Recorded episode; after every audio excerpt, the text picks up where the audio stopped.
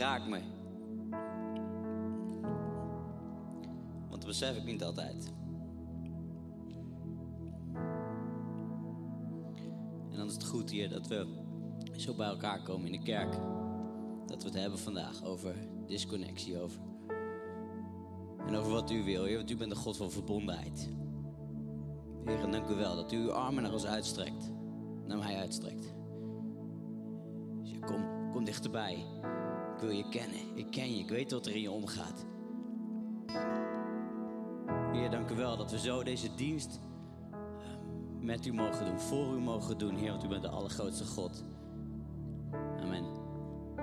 Zo, goedemorgen allemaal. Goed dat jullie hier zijn. Goed dat je thuis bent. Goed dat je meekijkt. En eh, we kijken uit naar, eh, naar wat God gaat doen. Wat God gaat tonen deze ochtend. En God die het waard is om, om te prijzen, om te loven.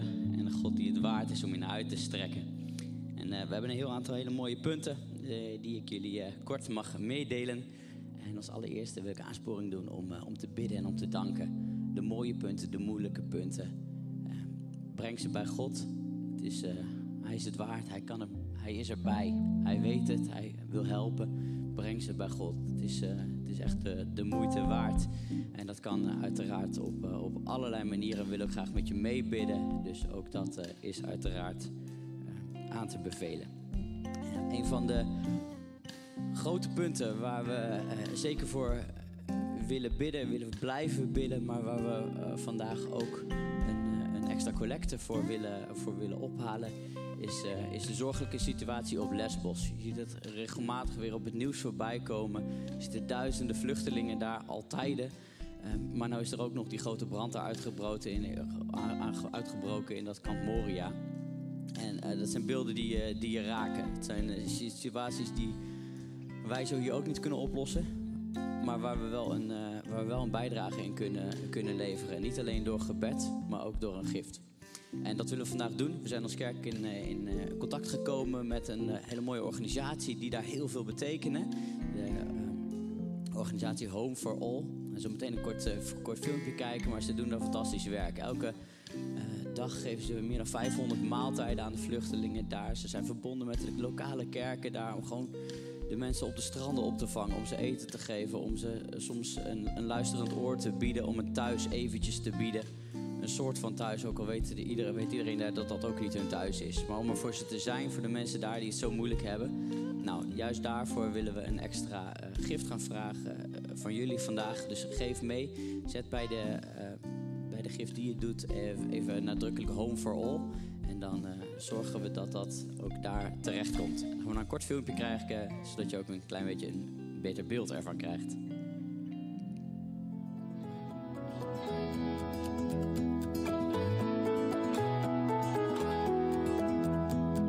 Name is Nikos. Her name is Katerina.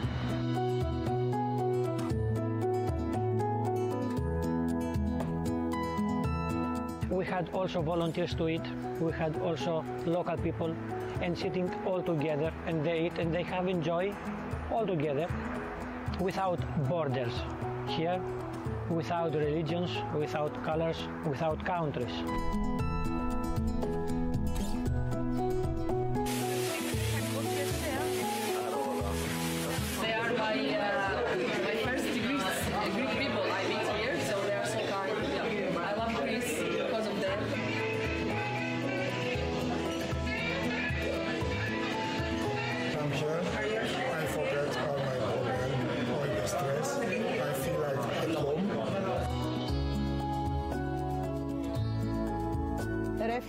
Themselves named it home. They start saying, let's go home, we feel like home, thank you, we feel like home. So at the end, they gave the name home.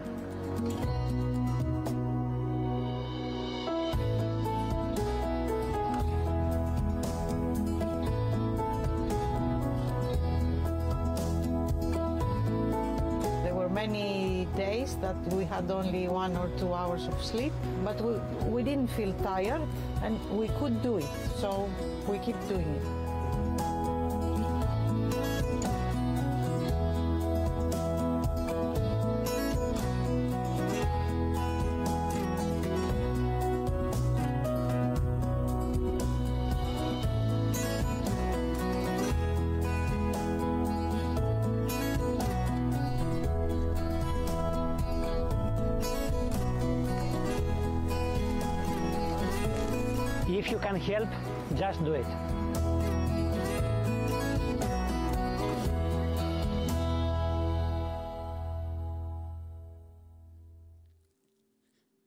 Belangrijk om maar mee te geven, uiteraard. Dus uh, een aansporing om dat vooral te doen. Aanstaande zaterdag is het al zover. Dan is de City Life Young Day. Speciaal voor iedereen tussen de 12 en de 18 jaar. Een volledige dag met allerlei uh, mooie sport, spel, inhoud. Er uh, staat van alles op het programma. Het thema is Your Choice. Dus uh, aan jou de keuze ook of je komt. En er zijn al meer dan 30 mensen zich al opgegeven. Maar ben je tussen de 12 en de 18, heb je dat nog niet gedaan... dan heb je daar dus nog een paar dagen voor om dat te doen. Via de website kun je meer informatie vinden. Dus zoek dat even op en geef je op. En dan kun je er nog bij staan aanstaande zaterdag. Dan ietsje verderop is de Leaders Conference. Dus dat is de conferentie voor iedereen. Dus kan iedereen uh, mooi mee. Op vrijdag 6 november en zaterdag 7 november. Die wordt landelijk georganiseerd. Dus met alle City Life kerken in heel Nederland.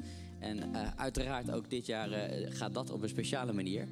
Op vrijdag gaan we het op verschillende locaties via videoverbinding de conferentie volgen. En daar gaan wij als uh, Leeuwarden gaan, sluiten wij aan bij uh, de mensen in Den Helder. Dus gaan we met z'n allen daarheen en dan daar via een videoverbinding het kijken. En op de zaterdag uh, gaan we naar Den Haag. En dat is zowaar een fysieke bijeenkomst. We hebben daar prachtige hallen waar er op ruime afstand 600 mensen bij elkaar kunnen komen. Dus dat is een fantastische bijeenkomst waar we echt naar uitkijken om opgebouwd te worden. Om elkaar te ontmoeten. en breder uh, nou ja, met de kerken zo in Nederland uh, verenigd te zijn. Om te kijken waar we, waar we het komend jaar heen gaan. Om te kijken hoe we zelf opgebouwd kunnen worden. Om dat vervolgens ook weer uit te delen natuurlijk naar, uh, naar de mensen om ons heen. dus dat is een aanmoediging ook hiervoor om even wat meer informatie op te zoeken. Kan via de website en om je daar ook op te geven. En dat kun je aangeven via een e-mailtje naar info.clcleeuwarden.nl. En we hebben nog een kort filmpje om ook hiervan een impressie te geven.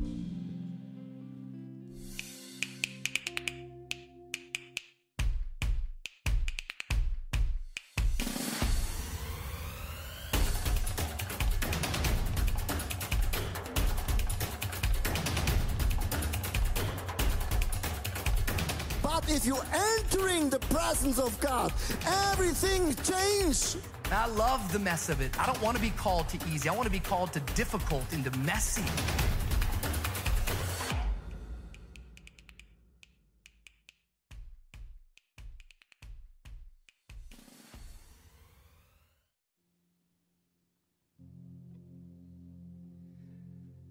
Laten we dit prachtige nieuwe lied in ons hart meezingen. vind de tekst geweldig bemoedigend.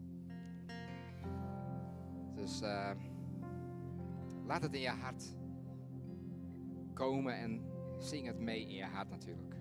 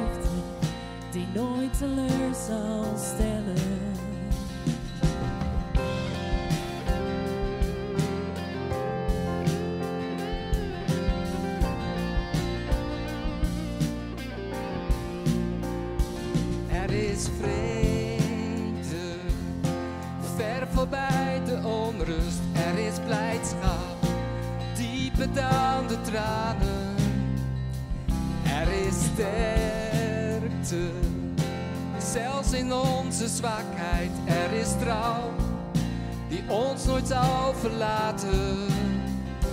Onze hulp en onze verwachting is in u voor. Dus richten wij onze harten God die wij loven. Niemand die ons uit uw handen kan roven.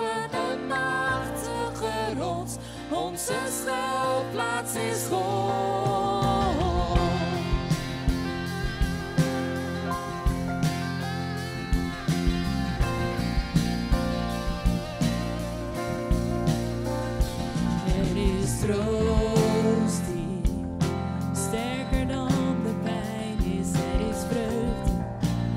Rotterdam ons leiden. Er is antwoord midden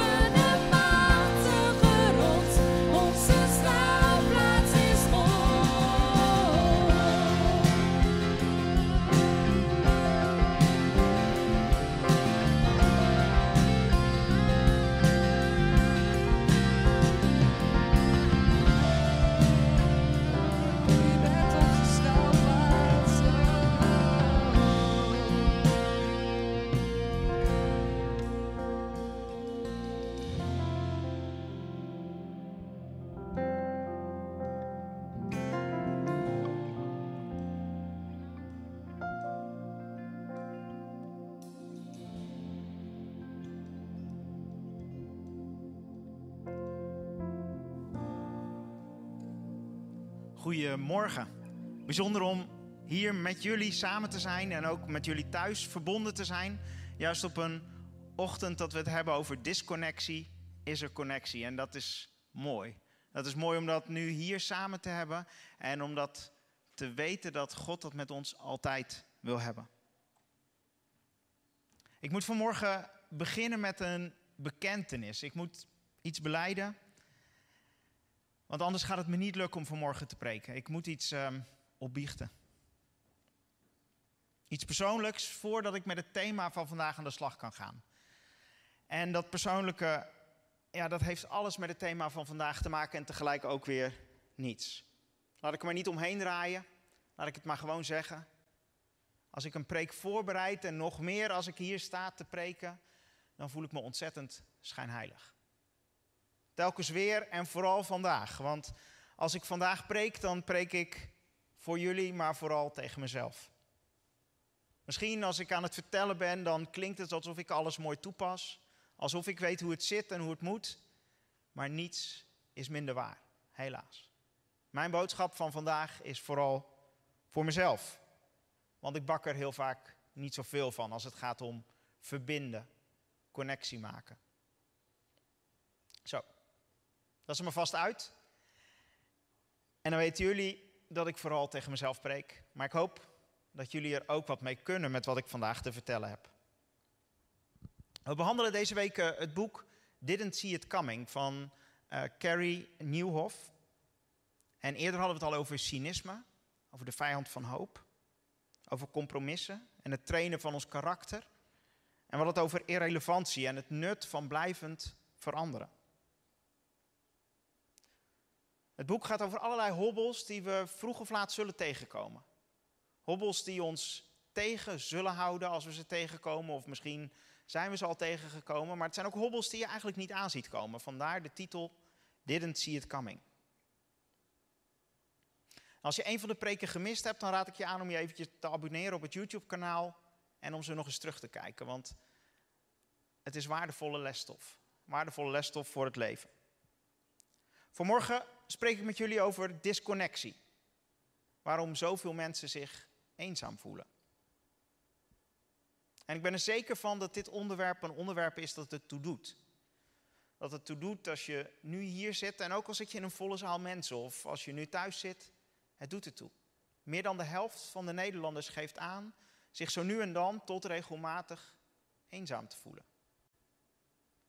En 1 miljoen Nederlanders geeft aan zich altijd eenzaam te voelen. We leven in een tijdperk waarin we 24/7 verbonden zijn. Onze connectedness was nog nooit zo groot. En toch die cijfers. Toch zoveel mensen die zich eenzaam voelen. Daar zou je de techniek die altijd in onze broekzak zit de schuld van kunnen geven. Al die oppervlakkige contacten via social media, daar komt het door. Is dat zo? Zijn social media en onze telefoons de oorzaak? Ik denk het niet. Ik denk dat de oorzaak van onze disconnectie een stuk dieper ligt. Onze eenzaamheid is geen technisch falen. Het is een menselijk falen. Voor we elkaar verkeerd begrijpen, ik ben ervan overtuigd dat al onze oppervlakkige digitale contacten het niet bepaald makkelijker maken. Ik ben ervan overtuigd dat onze contacten verschraald raken door de oppervlakkige manier waarop we contact kunnen hebben met dat apparaat in onze broekzak. Maar het zijn mensen die de fout maken. Wij maken de fout. En die fout werd al lang gemaakt voor WhatsApp bestond. Al lang voor Facebook en Instagram werden uitgevonden, maakten we de fout van disconnectie. Daarom wil ik vanmorgen met jullie de dieperliggende oorzaken opsporen. Want als we ons daar bewust van worden, dan kunnen we die techniek bewust inzetten. Bewust gebruiken en ten goede gebruiken. Want ik ben ervan overtuigd dat dat kan. En de kern van het probleem ligt dieper. De kern van het probleem ligt erin dat we ons niet meer willen of kunnen verbinden. Op de een of andere manier is die vaardigheid afgestompt. Ons echt verbinden zijn we verleerd en we durven ons niet meer open te stellen. Of in elk geval steeds slechter en steeds minder. We lijken op de een of andere manier geleerd te hebben dat als we ons echt verbinden, dat dat vroeger of later pijn zal opleveren. En daarom verstoppen we, bedekken we ons binnenste. Als ik jou op de man of de vrouw af vraag, hoe lang is het geleden dat je je echt hebt opengesteld. Hoe lang is het geleden dat er echt iemand bij jou mocht binnenkijken? Wat is dan je antwoord? Ja, en hier komt de schijnheilige Willem-Jan om de hoek. Want toen ik deze vraag typte, dacht ik bij mezelf, ik weet het antwoord niet goed. Als er iemand is voor wie deze vraag confronterend en nodig is, dan ben ik het wel. En dat terwijl het diep binnen ons gelegd is om te willen verbinden. Ons willen verbinden is de perfecte situatie. Zoals we ook al lezen in Genesis 2, bijna aan het begin van de Bijbel. Als God Eva aan Adam toevertrouwt. Lees maar mee. God de Heer dacht, het is niet goed dat de mens alleen is. Nou, dan gebeuren een aantal dingen die wij wel weten hoe ze gebeuren. En toen iets met een rib enzovoorts. En toen riep de mens uit, eindelijk, een gelijk aan mij. Mijn eigen gebeente, mijn eigen vlees, een die zal heten vrouw, uit een man gebouwd. En nog even verderop, beide waren ze naakt, de mens en zijn vrouw. Maar ze schaamden zich niet voor elkaar. Als we ons verdiepen in de originele Hebreeuwse tekst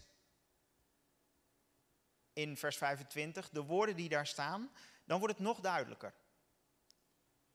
God maakte Adam en Eva volledig open ten opzichte van elkaar.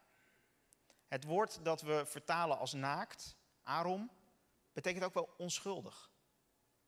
Er is geen reden voor schaamte. Er is niets te verstoppen. Adam en Eva gaan in alle openheid met elkaar om. En met God om. En ze zien de ander zoals die ander helemaal is. En ze laten zichzelf aan de ander zien zoals ze helemaal zijn. Zo is het bedoeld. Maar we hoeven maar één bladzij verder te bladeren en daar gaat het compleet mis. We kennen de gebeurtenissen van, van die vrucht en het eten daarvan. En dan is voorgoed de onschuld weg. De naaktheid moet bedekt worden, lezen we in hoofdstuk 3. Toen gingen hen beiden, dus Adam en Eva beiden, de ogen open en merkten dat ze naakt waren. Daarom regen ze vijgenbladeren aan elkaar en maakten ze er lendeschorten van. Daar in de tuin van Ede, ver voor de smartphone, daar ging het al mis. En ik wil met jullie kijken wat er toen ten diepste misging. Wat er toen stierf. En welke nog altijd groeiende gevolgen dat voor ons vandaag de dag heeft. Carrie Nieuwhof die schrijft in zijn boek over twee vaardigheden die we langzaamaan verliezen. En interessant genoeg zie ik die twee dingen sterven daar in de tuin van Eden. Direct al toen Adam en Eva die keuze maakten en ontdekten dat ze naakt waren, toen stierf er iets waar onze onvaardigheid om te verbinden nog steeds op gebaseerd is. Al generatie na generatie hebben we daar last van en het lijkt dat dat probleem groter en groter en groter wordt. En ik wil met jullie kijken naar die twee vaardigheden. Het zijn vaardigheden die essentieel zijn als het gaat om verbinden.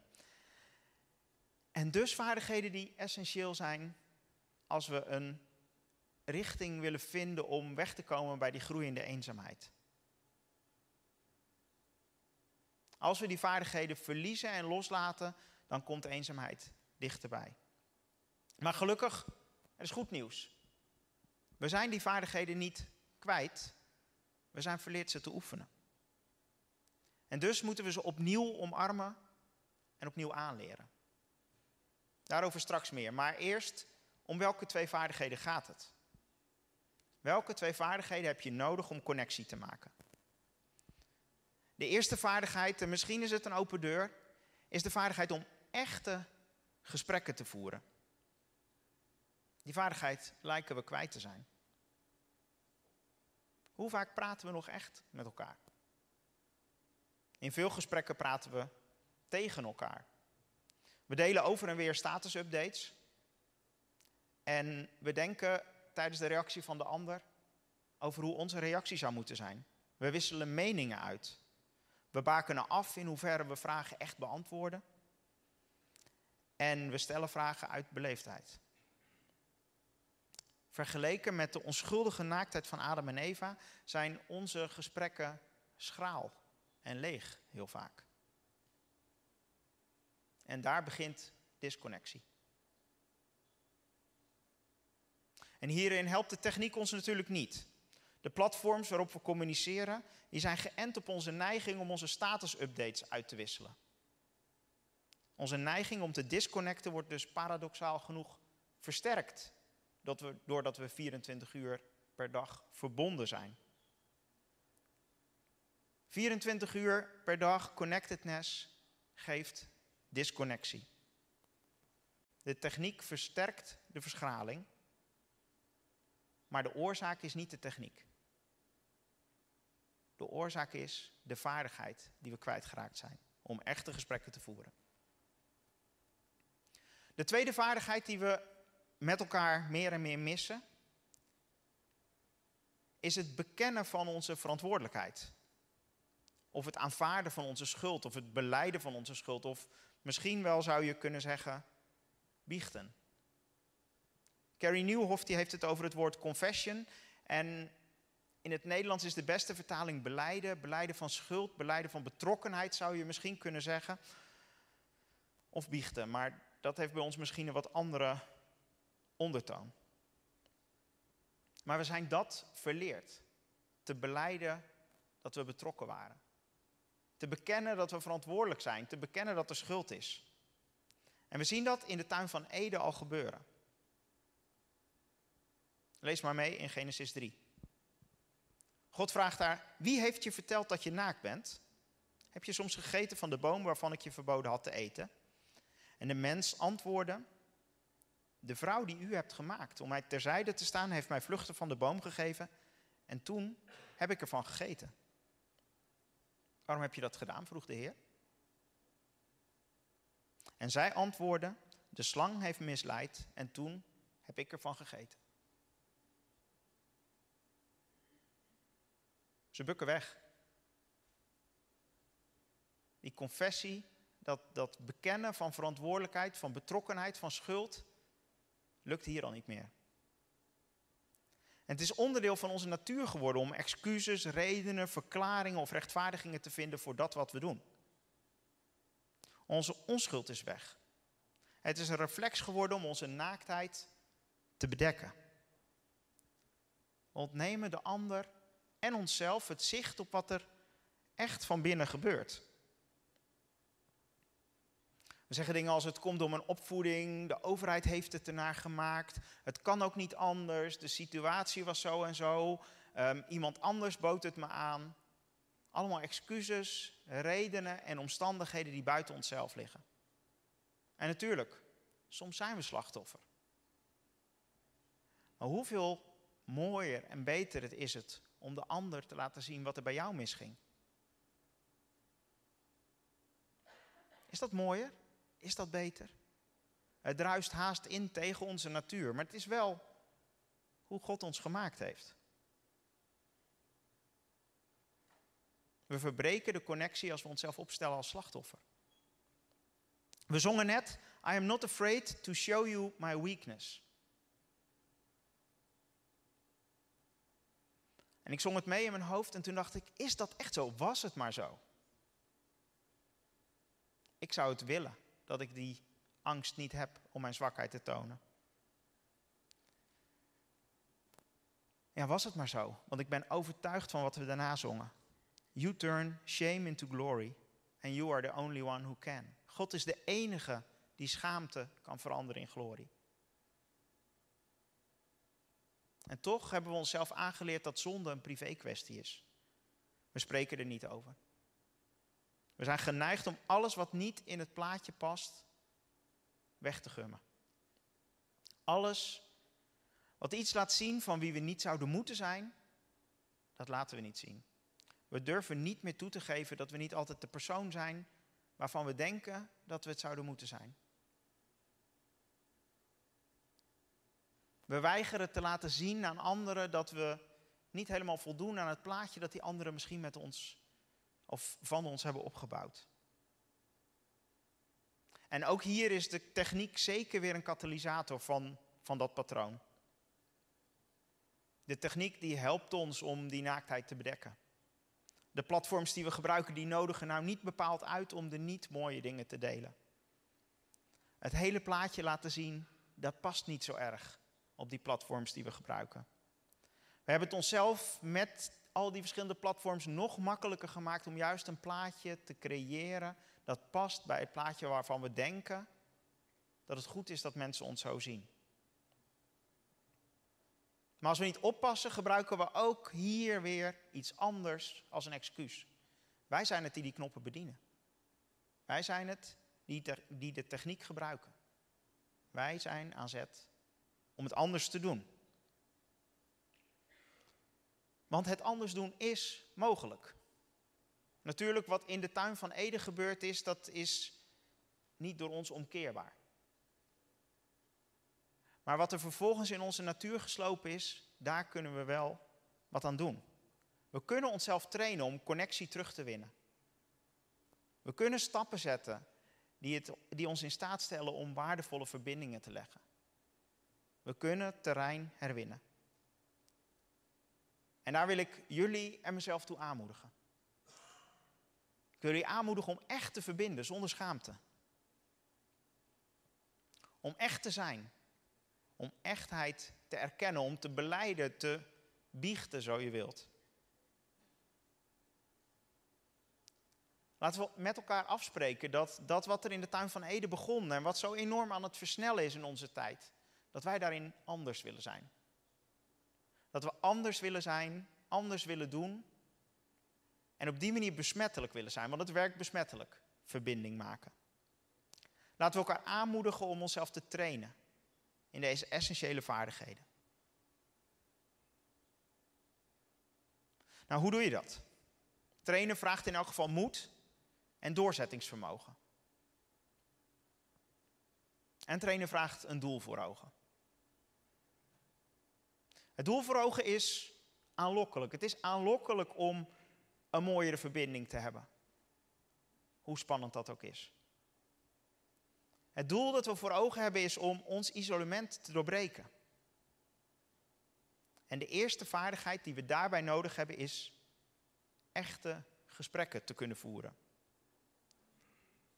In echte gesprekken stellen we echte vragen. En verplichten we onszelf om te luisteren naar de antwoorden die we krijgen. En het mooie daarvan is, als je langer luistert dan de meeste mensen doen, zul je meer te horen krijgen dan de meeste mensen ooit horen. Het lijkt me mooi om meteen een eerste stap te zetten, want dat kan hier. Dat kunnen we heel simpel doen. Draai jezelf zo meteen eventjes om naar iemand bij je in de buurt. Natuurlijk rekening houdend met de anderhalve meter. En dan krijg je drie minuten. En misschien is drie minuten ontzettend kort, maar in drie minuten kun je oefenen, ik beloof het je. In drie minuten kun je, kun je oefenen om echt te luisteren. Om niet bezig te zijn met je eigen antwoord van straks, maar om bezig te zijn met het antwoord van de ander aan wie jij een vraag gesteld hebt. En als je thuis zit te kijken, kun je natuurlijk net zo goed meedoen. Meedoen met iemand die naast je zit, of misschien zit je wel alleen te kijken. Dan is er zeker weten iemand op de chat die graag met jou het gesprek aangaat. Een van de hosts of iemand anders. Voer het gesprek en um, ontdek hoe mooi het is om in drie minuten echt te verbinden. Ik ben benieuwd wat dat oplevert. Spannend. Maar we gaan het echt doen.